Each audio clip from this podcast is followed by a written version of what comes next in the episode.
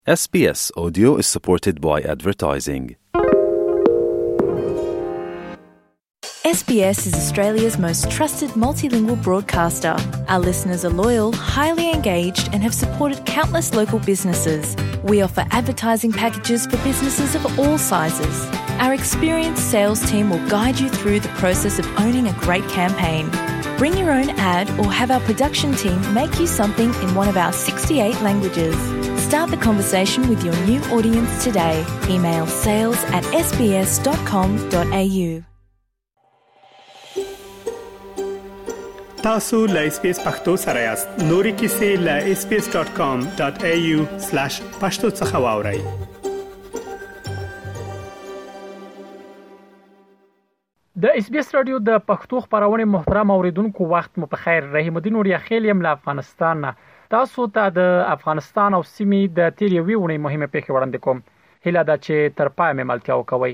د کلوب ترنیز بنسټ یوې نظر پوښتنې تیر ونې وخو د چې افغان مرمنې له زیات ستونو سره مخ دي او ازادي محدوده شوې ده دغه نظر پوښتنه چې په جولای میاشت کې ترسره شوې و پکې راغلي ول چې په افغانستان کې د ننه د ښځو او انجونو راتلونکی د کار زده کړو او ټولنیزو فعالیتونو په برخه کې له محدودیتونو سره مخ دي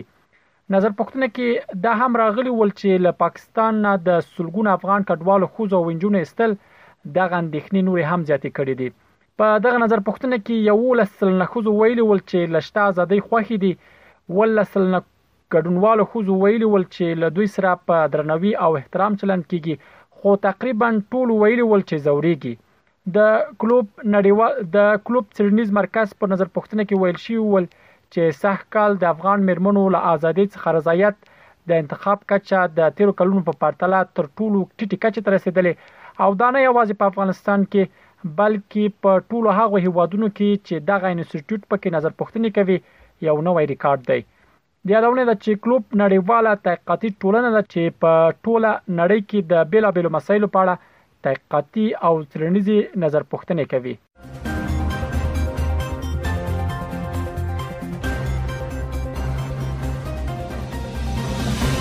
د کډوالو په چارو کې د ملګرو ملتونو د عالي کمشنرۍ پخوانۍ سفیرې او فلم جوړونکې انجلینا جولي له پاکستان څخه د افغان کډوالو اخراج د بشري حقونو شاتګ وباله. انجلینا جولي په خپل انسټاګرام کې تېره اونۍ له پاکستان نه د افغان کډوالو په ایستلو د اندېښنې په ښودلو سره ویلي ول چې افغانان بېرته هغه ځای ته لېږدول کېږي چېرته چې دوی د ژوندي پاتې کېدو لپاره ناممکن واقعیتونه سره مخ دي. اغلې جولي وویل چې دا د افغانانو له کړاو د ډک تاریخ پوګدو کې نوې ستراتیژي ده چې له تیرو څلويختو کلونو راهیسې له جګړو او بې ځای کېدو پرته بل څه نه دي تجربه کړي اغلی جولی ویل افغانان د خیر اتلونکو لجمنو سره سره نړۍ یوازې پریخي دي فلمي ستورې انجیلانا جولي داسې مهال له پاکستان څخه په زوره د افغان کډوالو د ایستلو په اړه اندېښنه ښيي چې تر دې وړاندې د ملګرو ملتونو د کډوالو نړیوال سازمان، د بښنې نړیوال سازمان او ډېر شمېر هېوادونو او د بشري حقونو ملاتړو ادارو هم په دې اړه اندېښنه ښودلې او له پاکستان یې سمدستي د دې بهیر د درولو غوښتنه کړې ده.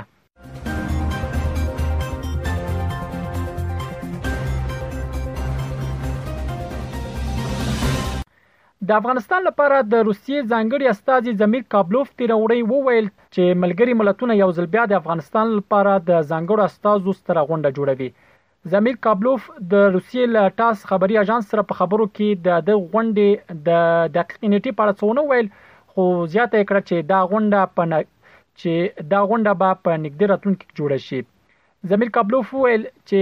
دا غونډه د هغې غونډې په څیر ده چې د ملګرو ملتونو د سرمنشي په قربتوب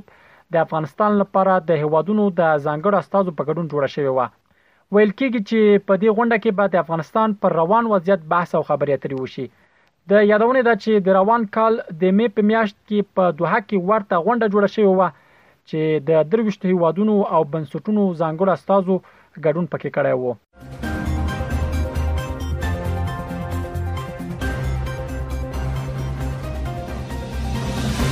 د ماینډ اکشن ریویو په نوم سازمان تېره اونۍ وویل، افغانستان د هغو دریو هېوادونو له ډلې دی چې ډېره ځمکه یې په ماینونو پوښل شوې ده.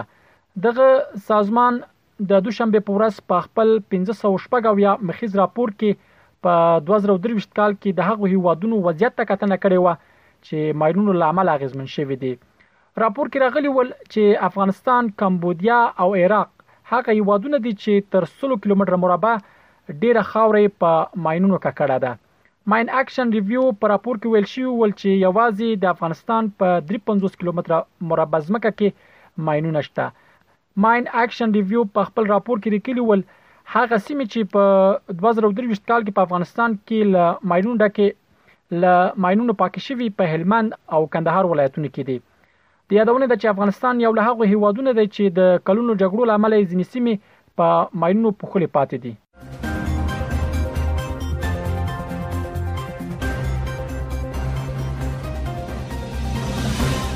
د دې اونۍ د پای موضوع هم دا چې د متحده عربي اماراتو هوایي شرکت فلای دوبی تیر اونۍ له دوه کلن ځنډ وروسته کابل ته خپل الوتنې بیرته پیل کړې د متحده عربي اماراتو د دغه هوایي شرکت لومړنۍ الوتنه د تیر اونۍ د چهار شنبه په ورځ کابل هوایي ډګر کې ښکته شوه فلای دوبی چې ارزانه بیا هوایي شرکت ګڼل کیږي کابل ته د الوتنو د بیا پیل کېدو لړۍ د غنو افغانانو له هرکلي سره مخ شوه ویل کیږي چې دغه نړیوال هوایي شرکت به د ورځې دوه الوتنې کابل او بهرنۍ هیوادونو ته ترسره کړي د طالبانو له بیا واکمنېدو وروسته دا لومړنی بهرنۍ هوایي شرکت شو چې د خپل الوتنو فعالیتونه پیلوي د یادونه ده چې فلای دوبۍ له کلونو راهیسې له متحده عربي اماراتو څخه افغانستان ته الوتنې درلودلې خو واک ته د طالبانو له رسیدو وروسته